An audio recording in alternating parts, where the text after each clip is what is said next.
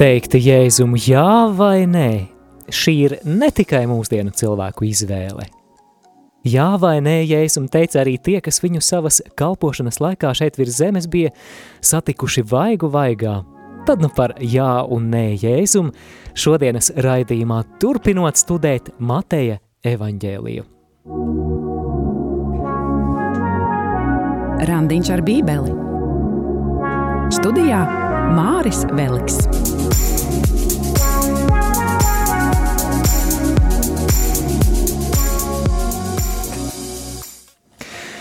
Sirsnīgs, sirsnīgs sveiciens Radio Marija Latvija klausītājiem, sirsnīgs sveiciens bībeles faniem un topošajiem bībeles faniem.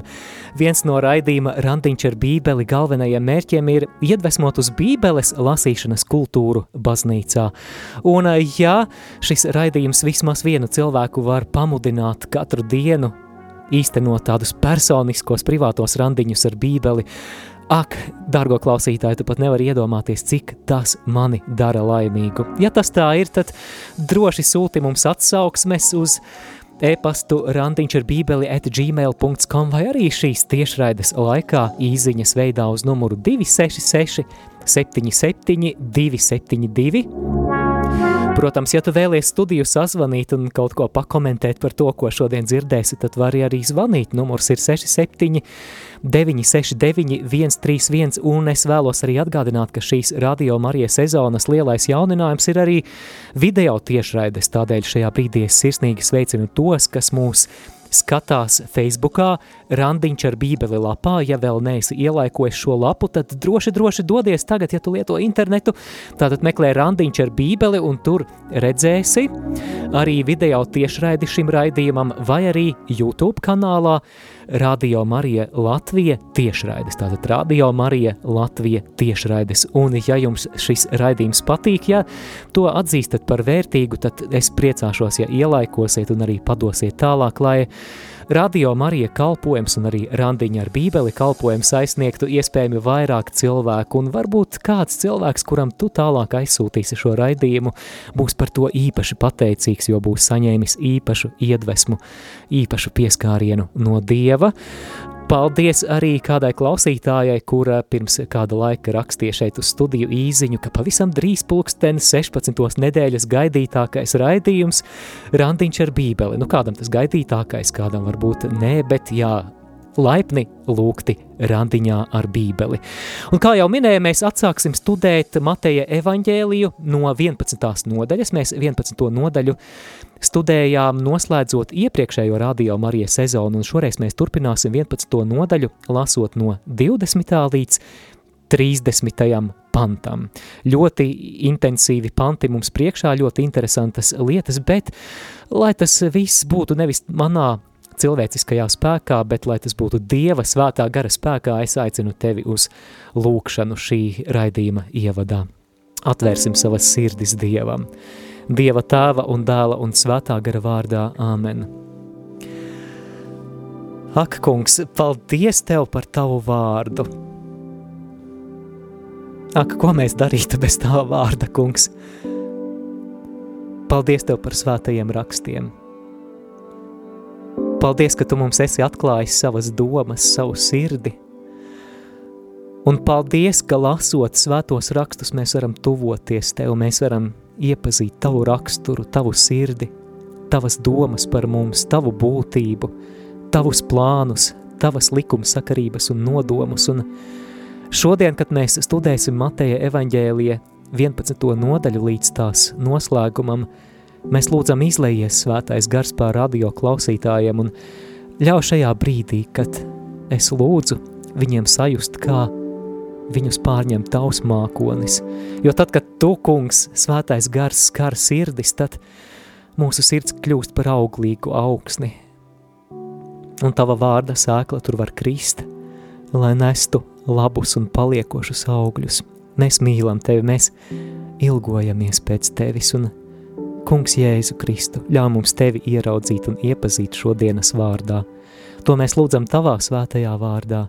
Āmen. Un svētais Matei lūdz par mums.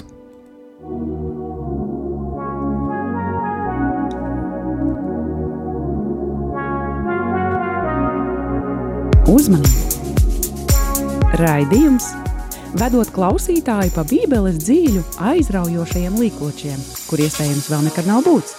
Var izraisīt nopietnu atkarību no privāta randiņa ar svētajiem rakstiem ikdienā.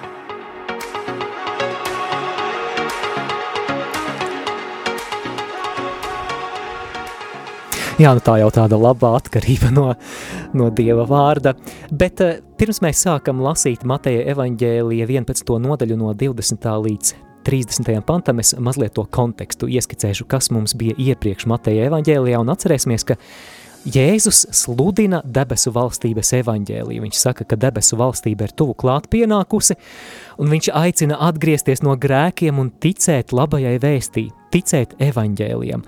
Un vēl vairāk, šo Jēzus sludināšanu pavada līdzējošas zīmes un brīnumi. Mēs Mateja evaņģēlija 11. nodaļā, 5. pantā, tātad iepriekšējās sezonas pēdējā raidījumā lasījām šos vārdus akli redz, tīzli iet, spitālīgi top šķīsti, kurli dzird, miroņi ceļas augšām un nabagiem tiek sludināta prieka vēsts. Nu, varen iespaidīga bija tā Jēzus kalpošana.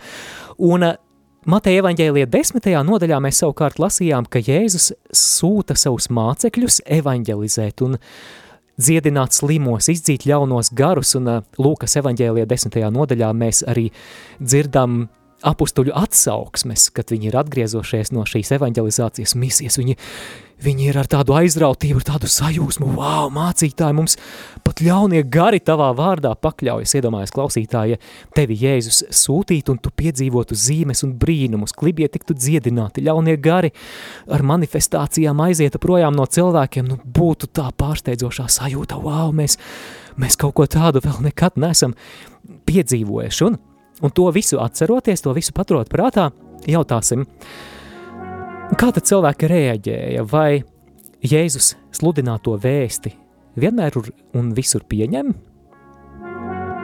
Jā un nē. Par šo jā un nē Jēzum mēs parunāsim šajā raidījumā, lasot Mateja evaņģēlija fragmentu no 11. nodaļas no 20. līdz 30. pantam. Vispirms mēs parunāsim par to nē Jēzum. Jā, šī opozīcija Jēzum vēl Mateja evaņģēlē turpinājumā tā pieaug savā intensitātē, bet nu jau šeit mēs redzam, ka nevienmēr Jēzus kalpošanu un Jēzus sludināto vēsti aicinājumu atgriezties no grēkiem visi pieņem uz urrā.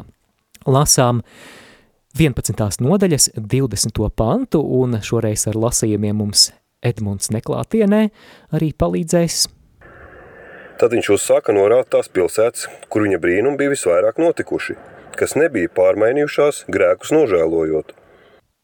Jā, un tālāk Jēzus arī min konkrētas pilsētas, kuras viņš šeit norāja, lasām 21. un 22. pantu.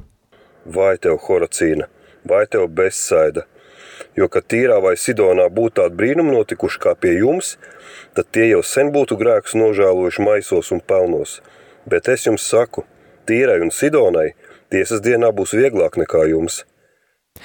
Jā, te ir divas pilsētas minētas Horozaina un Betsaida. Kas tās bija par pilsētām? Tās bija pilsētas Galilejā, Galilejas ezera ziemeļu pusē, un tā kā, ja nemaldos, 2016. gadā man bija iespēja ar velosipēdu apbraukt apkārt Galilejas ezeram, es atceros, ka es tā pievērsu uzmanību šim nosaukumam Betsaida tieši šajā ezera ziemeļu daļā. Tātad ziemeļu pusē šīs pilsētas un šajos Jēzus skarbajos vārdos, kurus mēs nu pat dzirdējām, Jēzus lieto šo formulu vai tev, Horosaina, vai tev, Betsaida. Atcerēsimies, ka tā ir tāda arī vecās derības praviešu nereti lietota formula brīžos, kad viņi aicināja cilvēkus uz atgriezties no grēkiem vai pat, pat izteica aizrādījumus vai, vai, no, vai rājienus cilvēkiem, kuri atteicās mainīt savu dzīvi un pievērsties Dievam. Tas, kas man šķiet interesanti arī šeit, um, domājot par šīm divām pilsētām Galilejas ezera ziemeļu krastā, ir tas, ka ja mēs lasām evaņģēlijus, ja tu tā rūpīgi lasītu un mēģinātu atrast, nu kas tad mums ir rakstīts par tiem brīnumiem, ko Jēzus ir darījis Horozainā vai Betsaidā, mēs neko konkrētu neatradīsim. Bet tieši tas ir fascinējoši, jo patiesībā Jēzus paveikto brīnumu skaits viņa publiskās kalpošanas laikā bija krietni, krietni, krietni lielāks nekā evaņģēlisti tos spēja aprakstīt. Un vēlāk evaņģēlists Jānis to komentēja tā, es lasīšu no Jāņa evaņģēlija 21. nodaļas 25. pantu. Jānis rakstīja, ka bet ir vēl daudz citu lietu, ko Jēzus ir darījis. Ja visas tās pēc kārtas aprakstītu, tad man šķiet, visa pasaule nevarētu uzņemt sarakstītās grāmatas. Jā, Atgriežamies pie šīs Horozainas un Betseidas. Viņi piedzīvoja noteikti lielus brīnumus, bet, kā mēs redzam, atteicās atgriezties. Protams, ka šeit ir vajadzīga piezīme, ka šeit ir runa ne jau par visiem, ne jau par visiem Betseidas un Horozainas iedzīvotājiem, jo bija arī tādi, kas sāka sekot Jēzum, kas mainīja savas dzīves. Nu, piemēram, mēs zinām, ka apustuļi Pēteris un Andrejs, kas bija vieni no pirmajiem Jēzus sekotājiem bija tieši no Beceidas pilsētas, bet tātad Jēzus šeit runā kopumā par tādu iedzīvotāju vairākumu un par to noraidošo reakciju. Un interesanti, ka šajā tekstā Jēzus šo Galilējas pilsētas iedzīvotāju nocietinātās sirdis kontrastē ar divām citām pilsētām, kādas tās ir Tīra un Sidona. Jo, kad tīrā vai Sidonā būtu tādi, tādi brīnumi notikuši, Jēzus saka, kas pie jums notika, tad tie sen būtu grēkus nožēlojuši maisos un pelnos. Un klausītājiem noteikti jautājumi, kas tā tīra un Sidona bija. Un ja mēs to sapratīsim, tad arī labāk sapratīsim Jēzus pausto domu šeit.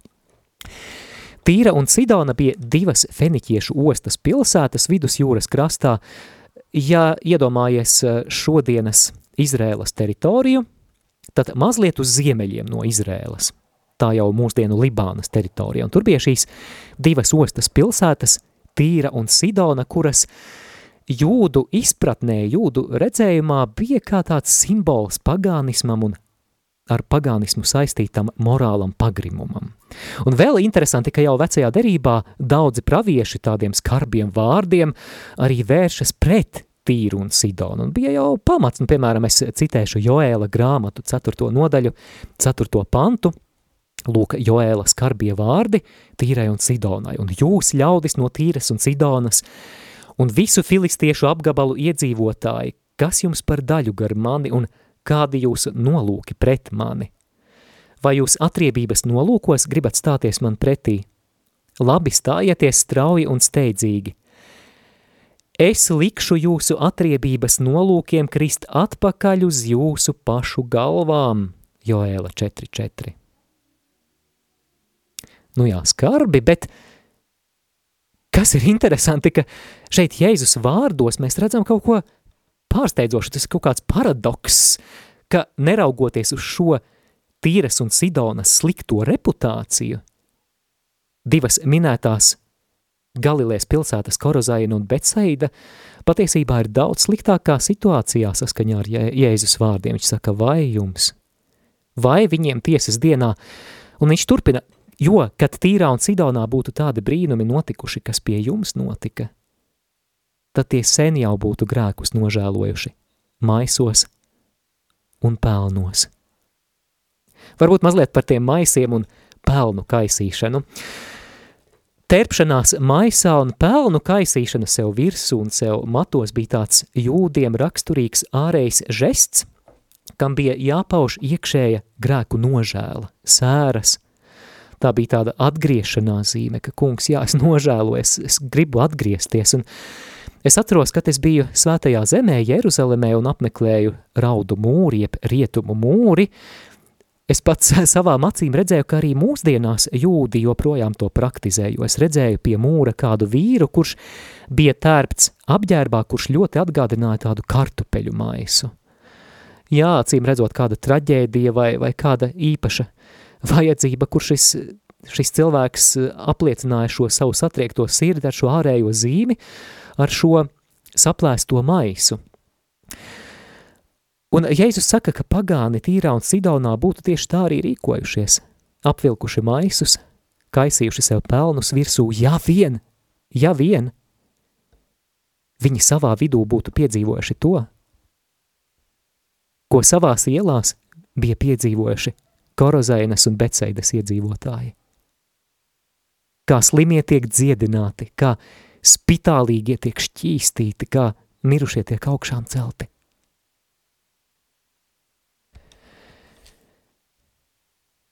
Tālāk, teksta turpinājumā, Jēzus norāja vēl vienu pilsētu, un šī ir tāda evaņģēlijos populārāka pilsēta, un šis būs rājiens Kapernaumai, jeb pārmetums tai.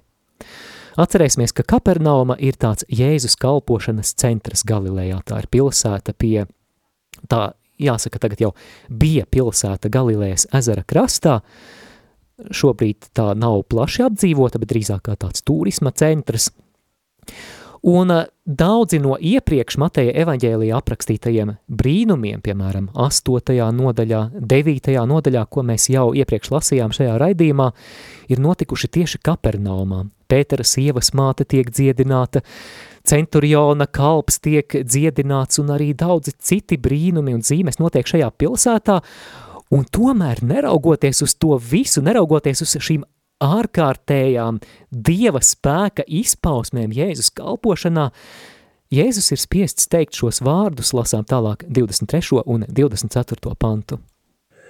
Un tu, Kapernauma, vai tu nebija līdz debesīm paaugstināta? Tu līdz mirušo valstī tiksi nogāsta, jo ja tādi brīnumi Sodomā būtu notikuši, kas notika pie tevis, tad tas stāvētu vēl šodien. Un vēl es saku jums, Sodomas zemē tiesas dienā būs vieglāk nekā tev. Jēzus šeit eh, saka tādus vārdus, vai tu nebija līdz debesīm paaugstināta, tu līdz ellē tiksi nogāsta. Jā, acīm redzot, tā ir kaut kāda kapernaumas iedzīvotāja lepnība, augstprātība, tieksme celt savu vārdu, savu statusu, savu reputāciju, tai pašā laikā atsakoties piedzīvot šo atgriešanās pieredzi. Un šeit šajos vārdos Jēzus atsaucas uz pravieša Isaja, jeb Jesaja vārdiem, par kādu Babilonas ķēniņu, ko mēs lasām Jesaja 14. nodaļā no 13. līdz 15. pantam, kur ir runāts par to, ka šis Babilonas ķēniņš savā prātā bija iedomājies, ka es kāpšu debesīs, es uzcelšu savu troni augstāk par dieva zvaigznēm, nu vai tas neskan pēc lepnības un augstprātības. Un, un tad viņš saņem šis Babilonas ķēniņš tādu vārdu, ka bet nu tu esi nogāsts mirušo valstībā. Visdziļākā bedrē, kā sakām vārdu grāmatā, ir teikts, ka papriekš augstprātība un tad kritiens. Un arī šeit, vēršoties pret Kapernaumas iedzīvotājiem, Jēzus arī kādu interesantu kontrastu saka. Arī kāds paradoks, viņš Kapernaumu salīdzina ar Sodomas iedzīvotājiem, un Sodomas vārds gan ir ļoti slavens, pat līdz mūsdienām Sodomas vārds ir kā tāds simbols grēkai, grēkam un galējai samaitātībai. Radīšanas grāmatā atcerēsimies, ka Dievs iznīcina šo Sodomas pilsētu par netiklību, kas valdīja tajā un par neviesmīlību. Un Jēzus paradoxālā kārtā saka šeit – Sodomas zemē būs vieglāk tiesas dienā nekā tev. Hmm. Tātad, ja Sodomas pilsētai būtu dotas tādas iespējas, kādas piedzīvoja Kapernauma, proti, ka Jēzus staigāja pa tās ielām, pats Dieva dēls staigāja pa tās ielām, Pilsētas iedzīvotāji redzēja, kā paralizētie pieceļās. Pilsētas iedzīvotāji redzēja zīmes un brīnumus. Mēs lasām, ka tad, kad saule rietu, rietēja, ka viņa atnesa visus savus slimos, visus savus apsēstos, un Jēzus neatteica nevienam no viņiem, viņi, viņi visi tika dziedināti. Bet sirds palika neapgraizīta. Sirds palika neatgriezusies. Šajā brīdī jautāsim, ko šis vārds varētu nozīmēt mums, jo varbūt klausītājiem varētu būt tā sajūta, nu kāds sakars mums, 21. gadsimta cilvēkiem ar kaut kādām senām Galilejas pilsētām, par kurām mēs pat īsti neko daudz nezinām. Tad, nu, mīļo klausītāji, es domāju, ka no nu pat dzirdētajiem pantiem mēs varam izvilkt šādu tēzi. Uzmanību, šo mēs varētu izgaismot ar tādiem lieliem spilgtiem burtiem, ja? Līdz ar lielām privilēģijām nāk liela atbildība. Vēlreiz, līdz ar lielām privilēģijām nāk liela atbildība.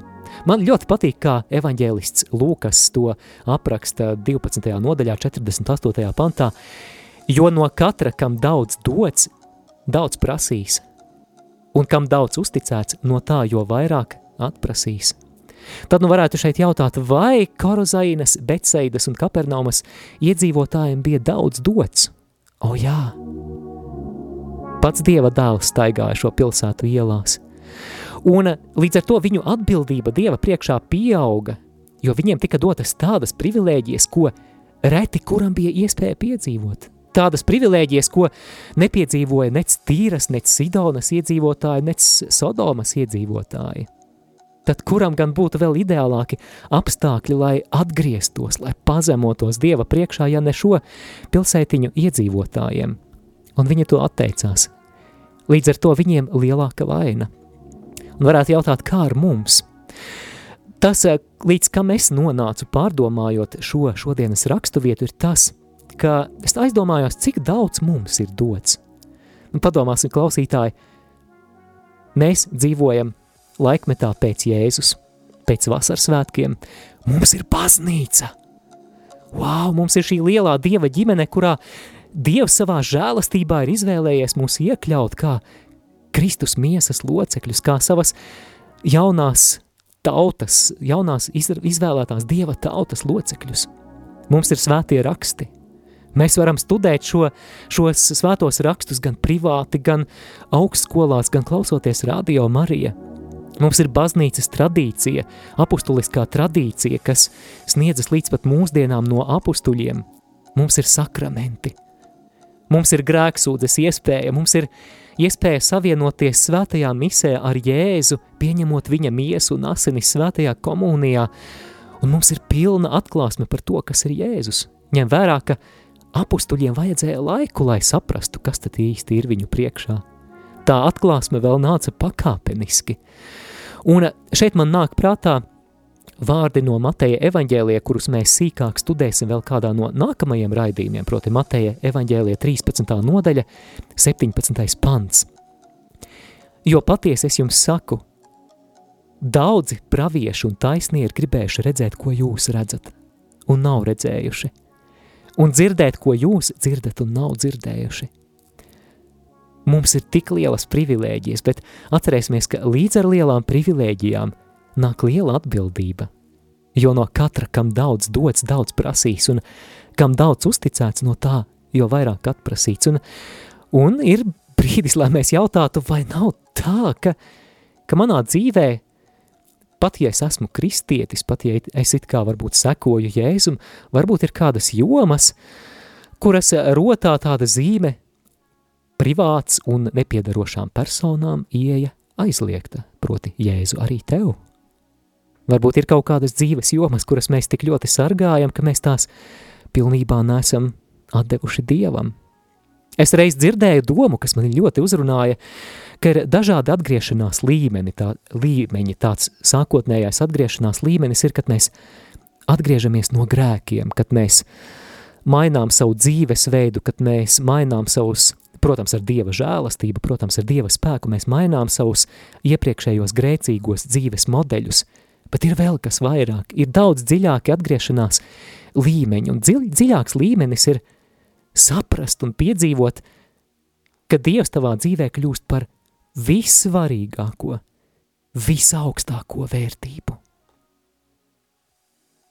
Tā ir patiesi dziļa atgriešanās, ka tu saproti, ka Jēzus Kristus, Dieva dēls, tā ir visdārgākā pērle, kuras dēļ ir vērts pārdot visu, lai to iegūtu. Mateja 13, 46.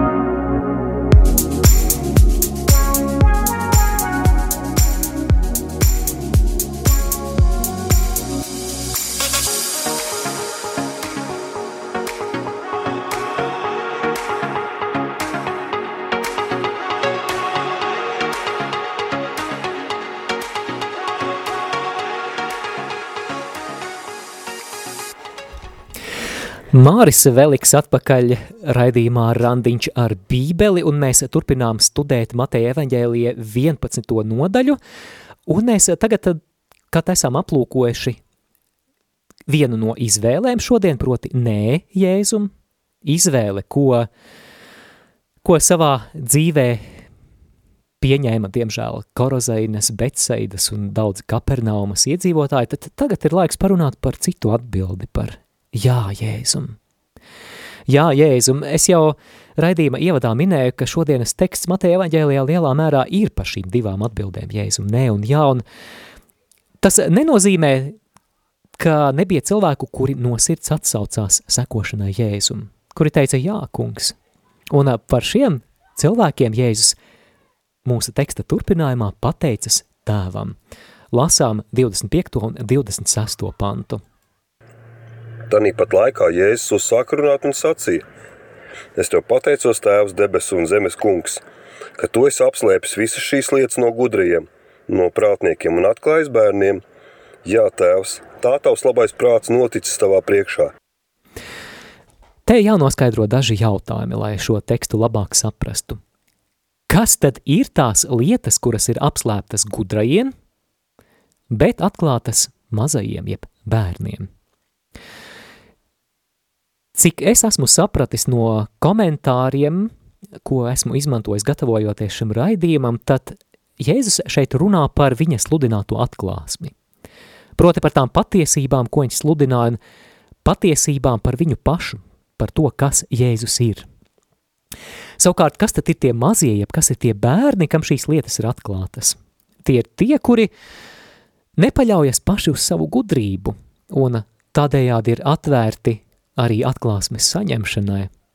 Atcerēsimies arī Kalnas prediķi piekto nodaļu, kur ir runāts par garā nabagajiem, par tiem, kuri saprot, ka viņi nav pašpietiekami, ka Dievs viņiem ir ļoti, ļoti, ļoti vajadzīgs, un tieši tas raksturo arī šo atvērtību tam, lai saņemtu no Jēzus, lai, lai saņemtu viņa atklāsmi, lai saņemtu viņa gudrību, un tas, arī kā mēs redzam no šī teksta, ir pretstats gudrajiem, un prātniekiem, proti tiem, kuriem, kuru rokas ir pilnas, kuru sirdis un prāti ir tik pilni, ka tur vairs nav, nav vietas šai Jēzus atklāsmei. Tā ir tā attieksme, ka nē, mums neko vairāk nevajag, mēs paļaujamies uz sevi, mums ir sava gudrība un neko citu mēs vairs negribam dzirdēt.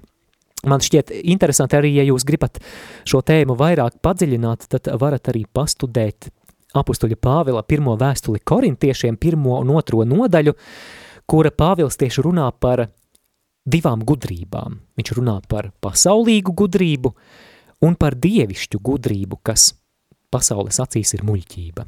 Es citēšu 23. un 24. pantu no pirmās vēstules korintiešiem. Pāvils saka tā, bet mēs sludinām Kristu krustā sisto, kas jūdiem apgrēcība – un pagāniem muļķība. Bet tiem, kas aicināti tik labi jūdiem kā grieķiem, dieva spēks un dieva gudrība.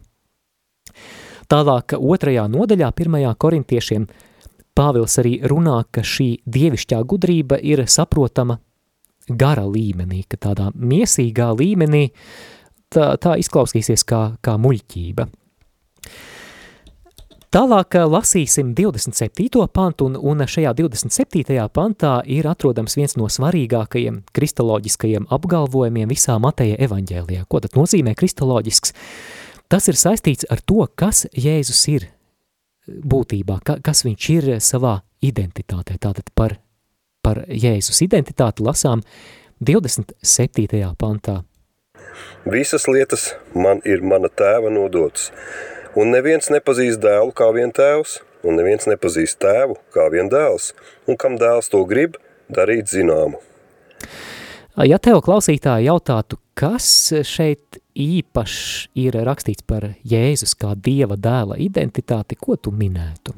Tas, kas man pirmkārt šeit nāk prātā, ir tas, kāda tuvība šeit ir attēlota starp tēvu un dēlu, starp ja mēs iekļaujam tādā plašākā trīsvienības teoloģijas kontekstā, tad starp divām dievišķajām trīsvienības personām.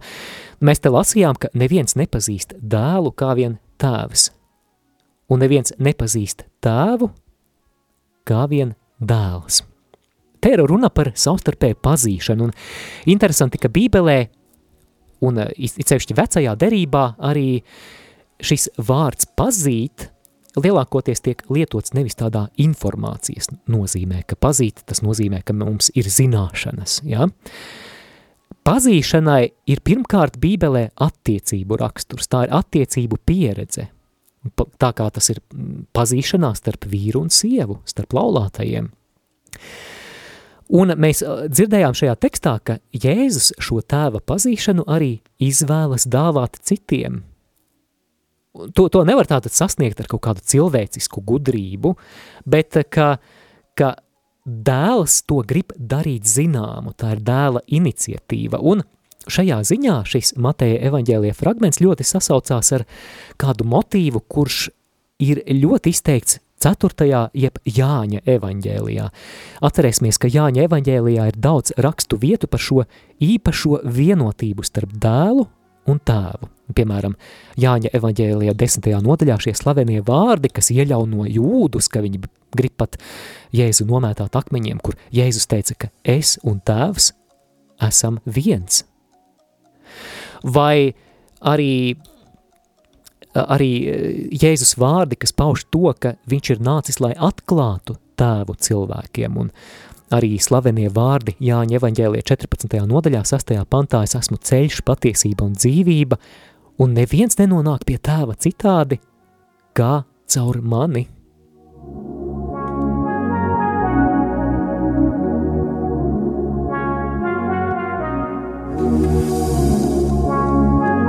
Randiņš ar bībeli Savedējs Māris Veliks.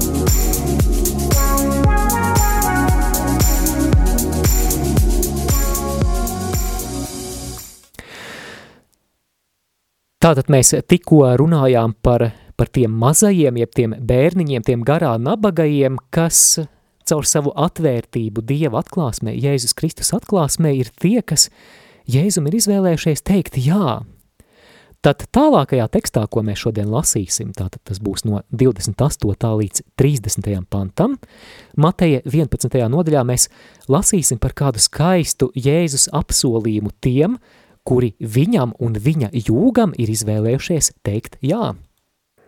Nāciet šur pie manis visi, kas esat bēdīgi un grūtsirdīgi. Es jūs gribu atvieglināt. Ņemiet uz sevi manu jūgu, mācieties no manis, jo es esmu lēnprātīgs un no sirds pazemīgs. Tad jūs atradīsiet atvieglojumu savām dvēselēm, jo mans jūgs nespiež un mana nasta ir viegla ļoti skaisti vārdi, arī ļoti slaveni vārdi, ka Jēzus atvieglinās par šo jūgu un šo nastu. Es pirms, pirms es šo komentēju un pirms es turpinu, es vēlos šo rakstu vietu vēlreiz nolasīt jaunajā, jeb 2012. tulkojumā, kas vismaz šajā vietā noteikti ir precīzāks. Nāciet šurp pie manis visi, kas esat nopūlējušies un zem smagas nastas – un es jūs gribu atvieglināt.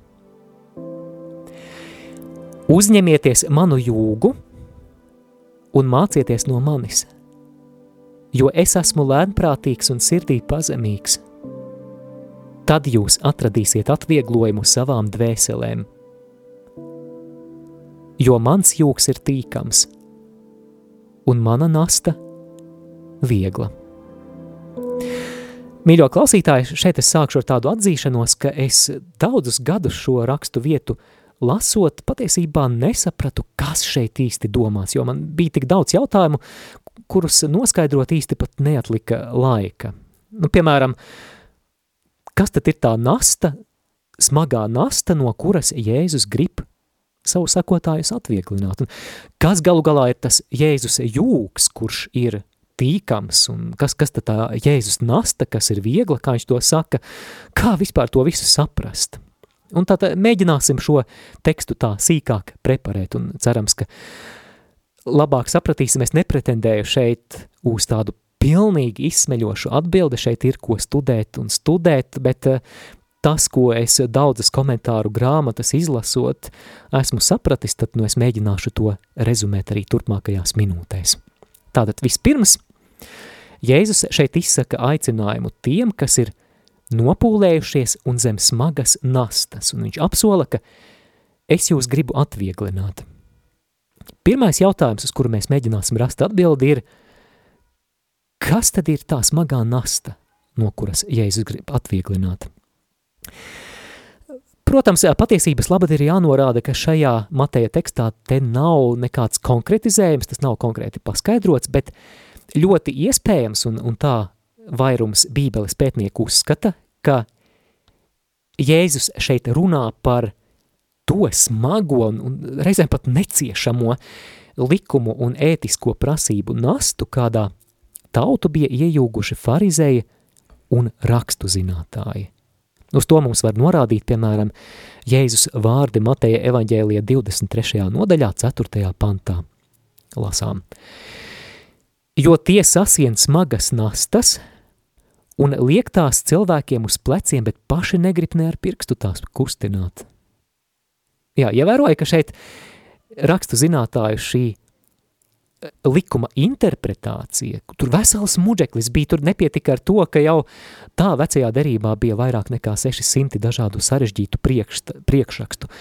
Viņi no tā vēl kā tādu zirnekļa tīklus bija sauduši vēl visādas juridiskas manipulācijas un schēmas un, un tad nu šī likuma interpretācija, kā rīkoties tajā situācijā, kā rīkoties šajā situācijā, kad rokas mazgāt, kad rokas nemazgāt un, un visādas citas lietas, kā rīkoties, kā rīkoties ar finansēm un tā tālāk.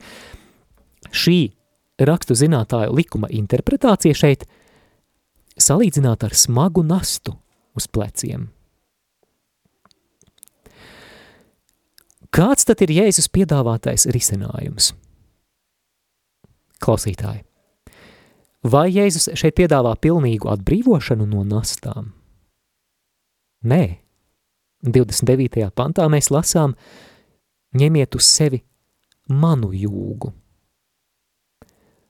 Tātad šeit runa nav par atbrīvošanu no jūga, bet runa šeit ir par jaunu jūgu, par kuru Jēzus saka, ka šis jūgs ir tīkams un viņa nasta ir viegla.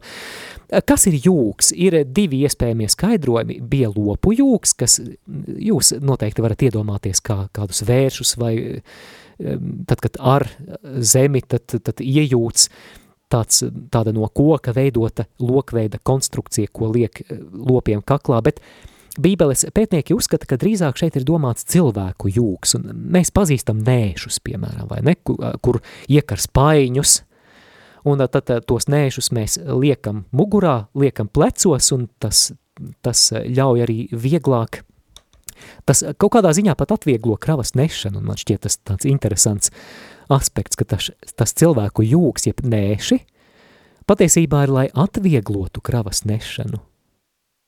Jā, protams, ka tas ir kaut kāds svars, smagums, bet, bet ir vieglāk nekā vienkārši nest rokās.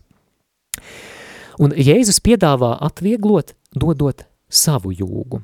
Un kas tad ir šis Jēzus jūgs? Bībeles pētnieki uzskata, ka tā ir Jēzus mācība. Mēs jau iepriekšējos raidījumos daudz runājām, piemēram, par Jēzus kalnas prediķi, noteikti tie ir daudz citi vārdi. Un interesanti arī, ka bībeles pētnieki šajos, nu pat lasītajos Jēzus vārdos saskata ļoti tādu lielu, interesantu līdzību ar vārdiem no vecās derības Sīraha dēla grāmatas 51. nodaļas. Es lasīšu fragmentu no 23. līdz 27. pantam, un, kad es to lasīšu, klausītāji, tavs uzdevums ir mēģināt ieklausīties un saklausīt līdzību ar nu pateiktajiem Jēzus vārdiem par atvieglināšanu, par jūga uzņemšanos. Tātad Sīraha dēla grāmatā ir rakstīts tā. Nāciet pie manis nemācītie un mācības namā nakšņojiet. Uzņemieties jūgu savos plecos – Jūsu dvēsele, lai ļaujas mācībai, pēc tās nav tālu jāmeklē. Verieties paši savām acīm, tik maz es esmu pūlējies, tik daudz atpūtas radis. Wow!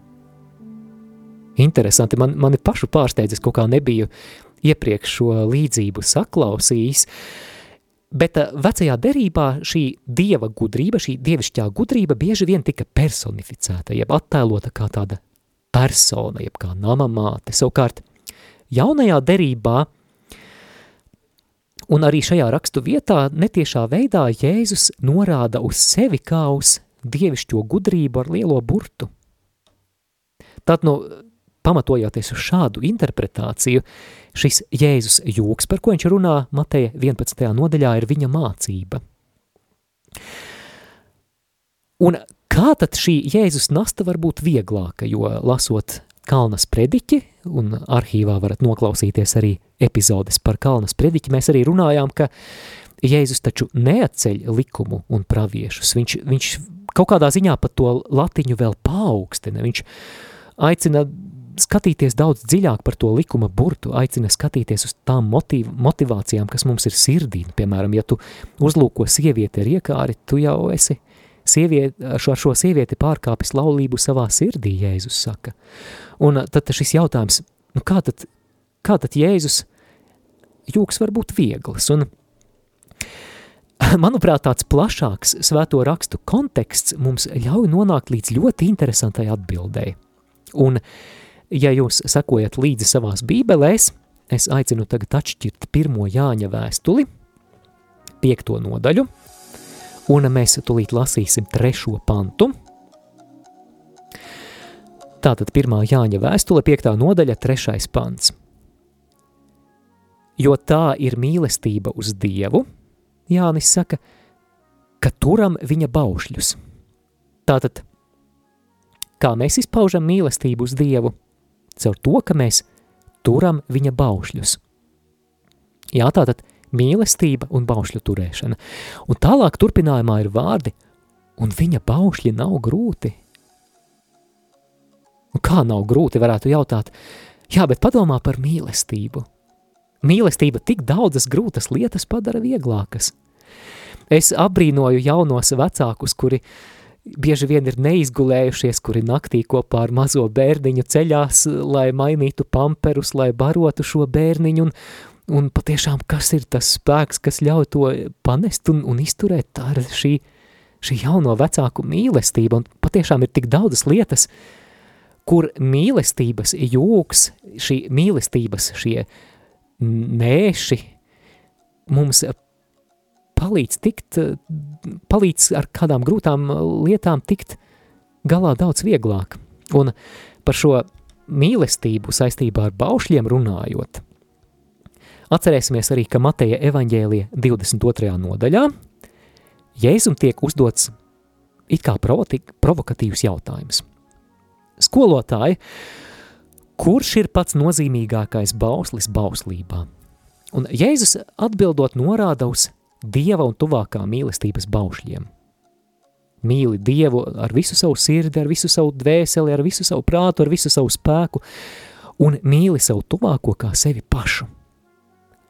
Un tālāk Jēzus piebilst, ka šie divi baušļi ir pamatā visai bauslībai un praviešu mācībai. Wow, vai tas nav ģeniāli? Mīlestība sasiena kopā visus baušļus – kā šie vārdi, kas tiek piedāvēti svētajam Augustīnam mīli un dari, ko gribi. Mīlestība tuvākajam ļaunu nedara.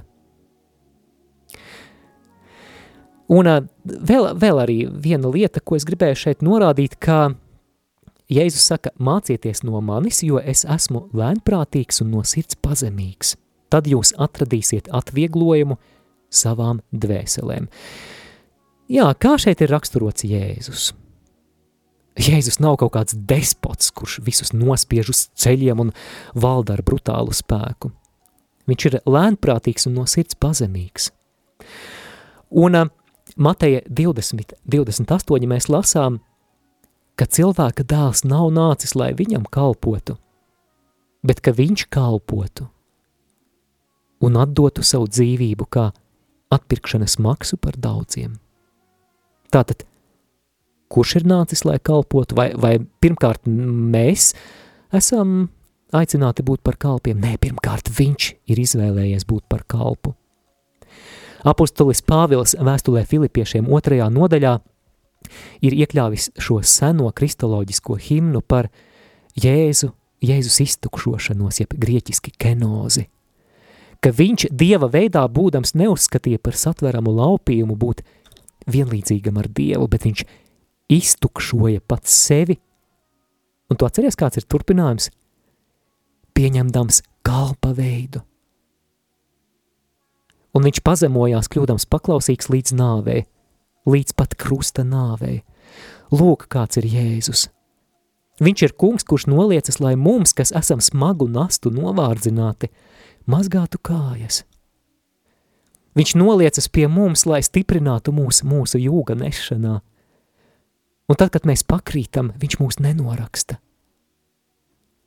Viņš mūs paceļ, atjauno mūsu cieņu, Viņš mūs iegremdē pilnīgā piedošanā. Šāds ir mūsu lēnprātīgais un pazemīgais kungs, kurš mūs ļoti, ļoti mīl arī mūsu satriektībā un nabadzībā. Tad jūs atradīsiet atvieglojumu savām dvēselēm, jo mans jūks ir patīkams un mana nasta viegla.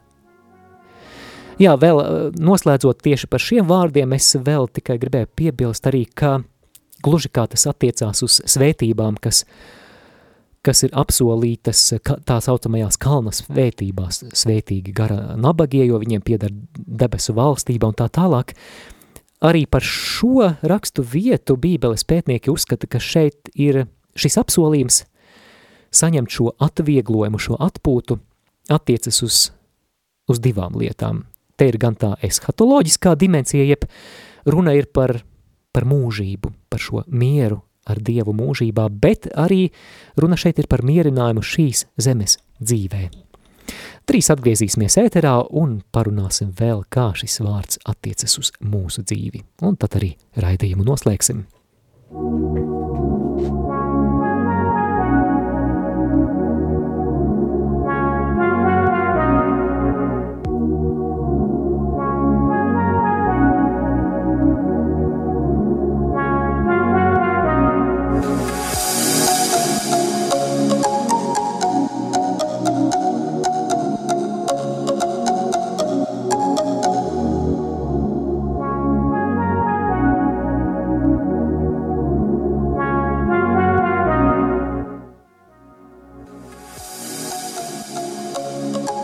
Mīļo klausītāji, randiņa ar bībeli noslēgumā šoreiz es vēlos tevi iedrošināt uz atpūtu Dievā. Jēzus savu vieglo jūgu piedāvā šodienas tekstā kā pretstatu farizēju jūgam, jo tie sasien smagas nastas un liek tās cilvēkiem uz pleciem, bet paši negrib ne ar pirkstu tās kustināt. Domājot par šo, es, es aizdomājos par to, ka ir, ir kāda viena lieta, ko es novēroju, es pat reizēm kā tādas nezāles novēroju savā dzīvē, un ko es novēroju daudzu kristiešu dzīvē, ka, ka mēs reizēm aizmirstam par kādām pamatpatiesībām, un mēs šo būšanu par kristiešiem, par Dieva bērniem sākam uzskatīt kā par kaut kādu smagu darbu, kā par kaut ko tādu, kur baigi jāpūlās, uh, baigā nasta, baigais jūgs. Un tad nu sanāk tā, vai gadījumā mēs paši nesasienam sev nastas, kuras Jēzus mums nav vēlējies uzkraut mums uz pleciem. Es gribu izaicināt atpūties Dieva žēlastībā. Tas nozīmē ar tādu vieglumu un pateicību pieņemt Dieva piedošanu, pieņemt viņa žēlastību, zinot, ka Jēzus mūs pats ir izpircis no nāves, no mūžīgas pazušanas, un ka tas nav kaut kas tāds, kas mums būtu jānopelna, un mēs to nemaz saviem spēkiem nekad nespētu arī nopelnīt. Atceries, ka kristietības centrā nav tas, kas mums ir jādara Dievam, bet pirmkārt tas, ko Dievs ir izdarījis mums caur Jēzu Kristu. Atceries, ka Jēzus Kristus ir atdevis sevi par upuri pie krusta, viņš ir nomiris par taviem grēkiem, un trešajā dienā augšām cēlies, lai tu varētu iemantot pilnīgu izlīgumu ar Dievu, pilnīgu piedošanu, lai tu varētu būt jauns radījums Jēzu Kristū. viss, kas ir bijis, viss ir pagājis. Dievs saka, es visu daru jaunu. Tu esi Dieva bērns, tu esi ķēniņš, ķēniņiene, tu esi pravietis, praviete. Dievs tev dot jaunu identitāti, Dievs tevi savieno ar debesu tēva mīlestību un atpūtīsimies šajā mīlestībā. Atcerēsimies, ka, lai arī kristietība, protams, ietver garīgo cīņu un arī kādus askēzes elementus, bet tas nav pats galvenais, ka ir, ir kādas lielākas un svarīgākas pamatpatiesības. Atpūties Dieva mīlestībā. Un šī Dieva mīlestība uz tevi ir bez nosacījumiem. Pilnīgi bez nosacījumiem. Atpūties tajā klausītāji. Tev nav jāizcīna šī mīlestība, tev nav Dievam sevi kaut kā jāpierāda, lai viņš tevi mīlētu. Jā, jā, protams, protams, ka Dievs zina mūsu bardaku, Dievs, Dievs zina mūsu ievainotību un satriektību, bet tas viņam nav nekāds šķērslis, lai viņš tevi mīlētu. Svētajos rakstos ir skaisti vārdi, ka Dievs tieši mīt pie tiem, kas ir satriekti sirdī.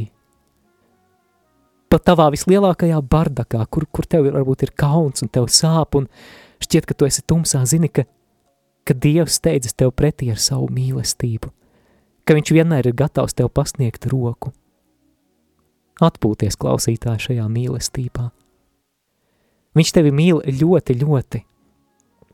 Un apjaušot šo Dieva mīlestību, mēs sajūtam, ka patiesībā, ka patiesībā šis Jēzus uzliktais joks patiešām ir viegls un patīkams.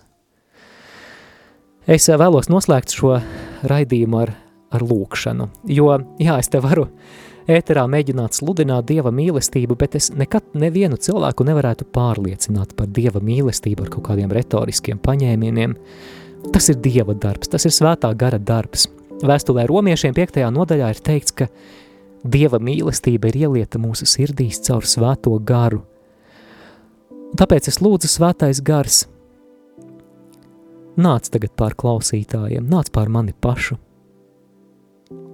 un dot mums svaigu, jaunu, jaunu atziņu, jaunu atklāsmi par to, cik augsta, cik plata, cik gara, cik dziļa ir Dieva mīlestība. Un svētais gars iegremdēja ikvienu radio klausītāju šīs mīlestības okeānā un ļauj tajā atpūsties. Ļauj tavā upē, tavā straumē atlaist visas tās nastas, visu to sajūtu, ka, ka ka dzīve ir nemitīga kaut kāda cenšanās un tikai skriešana un cīņa un, un ka, ka mums kaut kas būtu jāpierāda Tev, Dievs. Kungs, lai tas viss aizplūst tagad Tavā straumē. Dāvā, dāvā vieglumu un atvieglojumu tagad tiem klausītājiem, kuri jūtās noguruši, nogurdināti. Atjauno svētais gars tiešām darbojies pārdabiski šajā brīdī klausītāju dzīvē. Un ļauj viņiem šo, šodien priecāties par to, ka viņi ir tik ļoti mīlēti, ka viņi ir tavi mīļie bērni, tavas mīļās meitas, tavi mīļie dēli. O, kungs, tava mīlestība ir labāka par vīnu, un ļauj mums šajā brīdī no tās noreipt un to baudīt un atpūsties. Mīļo klausītāji šajā raidījumā es arī runāju, un mēs balstījāmies arī uz Mateja tekstu, mēs runājām par šo jā Jēzum un nē Jēzum. Klausītāji, varbūt tu tici Jēzum, bet vai, vai tu esi kaut kā tā apzināti pateicis viņam jā un pilnībā atdevis viņam savu dzīvi? Vai tu esi kaut kā tā tiešām lūkšanā vienkārši viņam uzticējis visu, ka Dievs es salieku pilnīgi visu, savu pagātni, tagadni, nākotni, visu, kas es esmu, tavās rokās, esi mans vienīgais kungs un glābējs. Ja nē, tad tas būs svarīgs solis, tad dari to tagad un lūdz kopā ar mani. Kungs Jēzu Kristu, es ticu, ka tu mani ļoti, ļoti mīli, atklāj man šo mīlestību Paldies, ka tu to parādi caur to, ka tu par mani nomiri pie krusta. un trešajā dienā augšām cēlies. Jēzu Kristu, es tev padodos, es atdodu tev visu savu dzīvi. Ienāc manā sirdī kā vienīgais kungs un vienīgais glābējs. Maini manu dzīvi, maini manu sirdi. Ļauj man atpūsties tēva mīlestībā un piepildi mani ar svēto garu. Jēzus vārdā. Amen.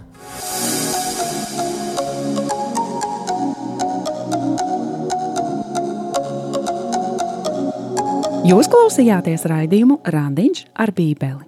Savas atsauksmes, ieteikumus un jautājumus sūtiet uz e-pastu randiņš ar bībeli at gmail.com. Iepriekšējās raidījuma epizodes aicinām meklēt arhīvā.